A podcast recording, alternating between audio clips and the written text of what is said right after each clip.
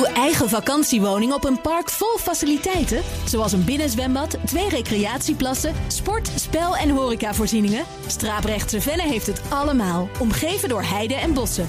Lees meer op Brabantisprachtig.nl. Studio Den Haag. De Tweede Kamer is twee weken met meireces, maar wij zijn dat niet. Wij gebruiken deze dagen om stil te staan bij de zeven plagen die het kabinet Rutte 4 teisteren. Met vandaag plaag nummer 6, de woningcrisis. Je hoort eerst politiek verslaggever Leendert Beekman. Woonminister Hugo de Jonge staat voor een enorme opgave. 900.000 woningen bouwen voor 2030. En hij moet dat, zoals de minister zelf zegt, doen met een hoop tegenwind. Een tekort aan bouwvakkers, hoge kosten voor bouwmateriaal en natuurlijk de stikstofcrisis waardoor de woningbouw dreigt stil te vallen. Maar de grootste showstopper is op dit moment de hoge rente. Ook de plannen van minister De Jonge zelf stuiten op kritiek.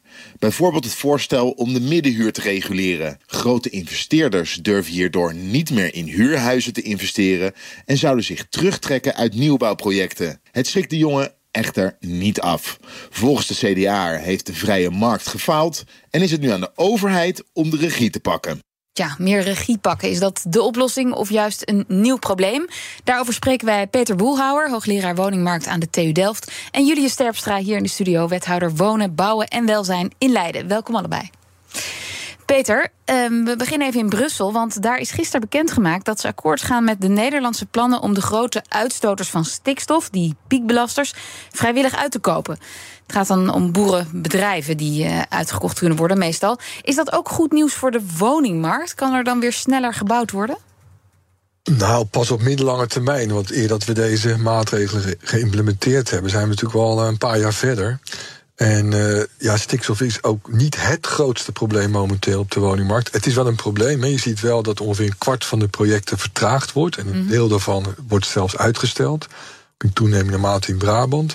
Maar die gestegen rente en de bouwkosten, dat zijn echt grotere problemen momenteel dan, dan de stikstof. En is dat, die gestegen rente, dan ook het grootste probleem, de grootste uitdaging? Of zijn er meer elementen die het zo ingewikkeld maken?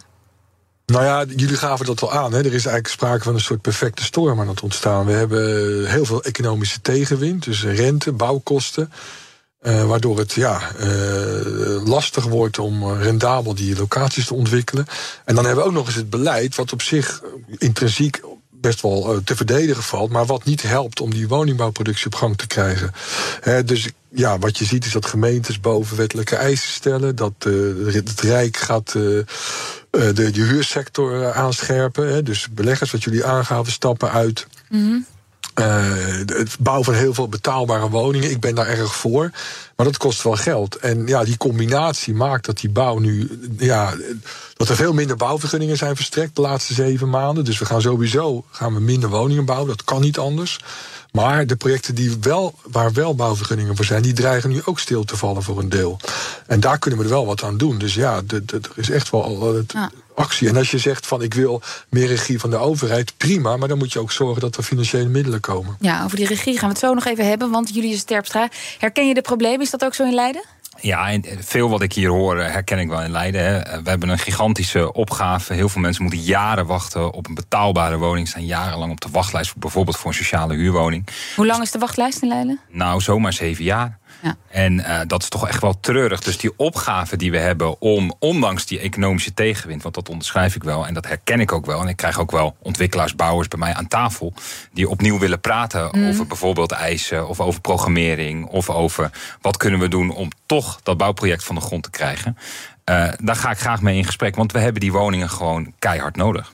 En um, ja, uh, Peter Hein van Mulligen, hoofdeconoom van het Centraal Bureau voor de Statistiek, die noemt ook de vergrijzing als een van de grootste boosdoeners voor de woningnood. Uh, Peter, ben je het daarmee eens? Nee, ik ben het niet mee eens. Kijk, je kunt zeggen dat uh, de woningen niet optimaal verdeeld zijn. Hè. Je ziet wel steeds meer uh, ouderen in grotere woningen. Ja. Nou, je kunt, je, kunt, je kunt natuurlijk als oplossing kun je bedenken dat je woningen aanbiedt, producten aanbiedt, waardoor die ouderen gaan verhuizen. Ik denk aan knarrenhofjes en dergelijke. Knarrenhofjes, oh, dat is al een ingeburgerde ja, term. Ja, bijvoorbeeld hè, gewoon gekluisterde woonvormen waar mensen voor elkaar gaan zorgen. Dan kun je minder besteden, heb je minder uitgaan van zorg. Mensen zijn minder eenzaam. Je maakt bestaande woningen vrij. Dus dat is een op, wel een oplossing. Maar dat is niet het probleem. Die mensen wonen wonen gewoon ergens. Het grote probleem is dat de bevolking de laatste jaren veel sneller groeit dan we woningen bijbouwen. En dat, ja, dat, dat wat Julius ook aangaf, dat levert die enorme tekort op. Ja, maar op zich, uh, we zijn altijd wel heel goed geweest in uh, bevolkingsplanning. Eigenlijk sinds de jaren 60 kijken wij, nou, maar kijken we toch altijd qua onze bouwplannen. Het lukt niet altijd qua bouwen, maar dat in ieder geval uh, dat er genoeg gebouwd wordt voor de geplande groei of krimp van de bevolking. Maar komt het dan toch ook omdat we de afgelopen jaren toch te maken hebben met stukken meer asielzoekers die hier naartoe komen en dus een woning nodig hebben? Die prognoses die, die van het CBS, die zolang ik meeloop, dat is nog niet zo heel lang, maar ook in het verleden, die hebben er eigenlijk altijd naast gezeten. Dus altijd die prognoses van het CBS, die worden altijd omhoog bijgesteld. Nu zie je dat ook weer. Hè, de maar kan dat niet komen doordat er dan in één keer veel meer mensen naar Nederland komen? Ja, maar het is dus heel lastig om daarop te plannen. Dat hebben we ook gezien. Hè. In 2015 hebben we uh, gezien dat er veel uh, toestroom uh, was richting Nederland. Nu weer. De tussenliggende periode is het wat afgevlakt. Maar je ziet wel dat plannen op basis van dat soort prognoses heel ingewikkeld is. En laat staan in de ruimtelijke ordening. Voordat je die productie op gang uh, hebt, ben je zomaar 17 ja. jaar verder. Maar nog even terug op die vergrijzing, Peter Boelhouwer. Want het is toch wel mm -hmm. jarenlang beleid geweest dat mensen zo lang mogelijk thuis moesten wonen. Met of zonder Zeker. zorg aan huis. Maar in ieder geval wel in het mm -hmm. eigen huis ble bleven wonen. Klopt. Ja, nee, dat klopt. Dat is het beleid tot nu toe. Hè. Levensloopbestendige woningen, uh, mantelzorg, uh, netwerken gebruiken. Ja, dan moet je zo lang mogelijk in je huis blijven wonen. Uh, maar goed, je kunt, je kunt door door kleinere woningen aan te bieden. Hè, dan kun je misschien die kun je toevoegen. Kun je, kun je die grote woningen dan beschikbaar krijgen voor grote gezinnen. Maar nogmaals, heb je wel meer woningen nodig. Het is niet zo dat je daarmee het woningtekort oplost. Ja. Dat, dat gaat ja. niet gebeuren. En jullie gaan mijn ouders wonen Wat je wel zou kunnen doen is grote woningen splitsen. Maar dan praat je over echt villa's en dergelijke. En dat gebeurt ook wel. Hè. Er zijn gemeentes die dat ook, ook doen. Uh, alleen ja, daar zie je ook weer, juist weer ook een aantal gemeentes die dat weer niet willen. Die nee. zeggen van ja, dat levert problemen op in de leefbaarheid. En dan, dus ja, ook daar helpt niet altijd het gemeentebeleid hoor. Nee. Jullie Sterpstra, Leiden, daar wonen mijn ouders, inderdaad in een huis. Is dat ook het probleem, dat ze niet doorstromen? Nou, we hebben zien wel in Leiden, zien we hebben een aantal wijken die zijn gebouwd in de jaren 70, 80. Daar zijn mensen komen wonen, toen de tijd met hun gezinnen. Mm -hmm. Nu zie je dat die mensen of alleen of nog met z'n tweeën in hele grote woningen wonen. Wat we wel proberen, en dat is toch proberen creatief aan de gang te gaan. Ik ben ook wethouder welzijn. Om de ruimtelijke ordening te combineren met het welzijnselement. En wat bedoelen we daar dan mee? Nou, je ziet in die wijken, bij bijvoorbeeld wijkwinkelcentra, gaan we woningen toevoegen. Mm -hmm. Appartementen, levensloopbestendige woningen. Aantrekkelijk voor ouderen met gemeenschappelijke uh, ruimtes waar mensen elkaar kunnen ontmoeten. Gaat ook de eenzaamheid tegen. En op die manier proberen we de doorstroom op gang te helpen. Dat zijn ook interessante projecten om bijvoorbeeld welzijnsinstellingen erbij te betrekken. Kan ook weer die financiële component interessant ja. maken. Nu met die economische tegenslag. Maar in de wijk dus. dus het in... moet echt in de wijk, want dat horen wij terug van mensen. Van ja, ga ons hier niet uit die wijk weghalen. Plaats ons in de buurt van het wijkwinkelcentrum, van de kerk, noem allemaal maar op. Uh, zodat ze in ieder geval hun sociale netwerk mm -hmm. Behouden. Dus daar zetten wij in Leiden ook volop op in. Ja, en, maar Peter, uh, we zien dat na de economische crisis... dat er vooral veel kleine en grotere woningen zijn gebouwd. Maar uh, statistisch gezien stukken minder middelgrote woningen. Moet de overheid ook gewoon woningbouwers niet dwingen... om die middelgrote woningen te bouwen... zodat je een veel logischere doorstroom krijgt? Nou, er zijn ook wel middelgrote woningen gebouwd. Er zijn de laatste jaren worden er vooral veel meer duurdere woningen gebouwd. En die zijn juist ook wat groter. En er wordt aan de onderkant, zie je ook wel, de beleggers doen dat met name, ook wel microwoningen, juist hele kleine woningen voor startende huishoudens in steden. En daar is niet, niks mis mee, denk ik. Maar wat Julius aangeeft, dat is natuurlijk heel goed dat je in die wijken voor die ouderen specifiek die, die woningen uh, ontwikkeld. Want dan, het mes snijdt dan aan drie kanten. Je kunt besparen op je zorg, je kunt die eenzaamheid tegengaan... en je maakt meer woonruimte beschikbaar. Dus dat, dat is echt de ja. oplossing. En ja, het probleem is gewoon dat we gewoon veel te weinig woningen hebben toegevoegd de laatste jaren. We zijn een beetje overvallen, wat Julius ook aangeeft, door die enorme bevolkingsgroei. Dat is trouwens voor een klein deel maar, maar asiel. Dat is vooral arbeidsmigratie. En daar durven we in Nederland die discussie, althans hij begint nu langzaam mm -hmm. los te komen. Maar daar moeten we echt keuzes maken. Willen we die welvaart die we nu hebben, willen we die handhaven? Nou, ik hoor altijd uh, in Amsterdam, in de wijk waar ik woon, dat er dan expats komen die bedoeld voor twee jaar. Ja. Maar die vinden het zo fijn, ja. die blijven. En gelijk ja, hebben nee, ze. maar goed, we hebben natuurlijk heel veel.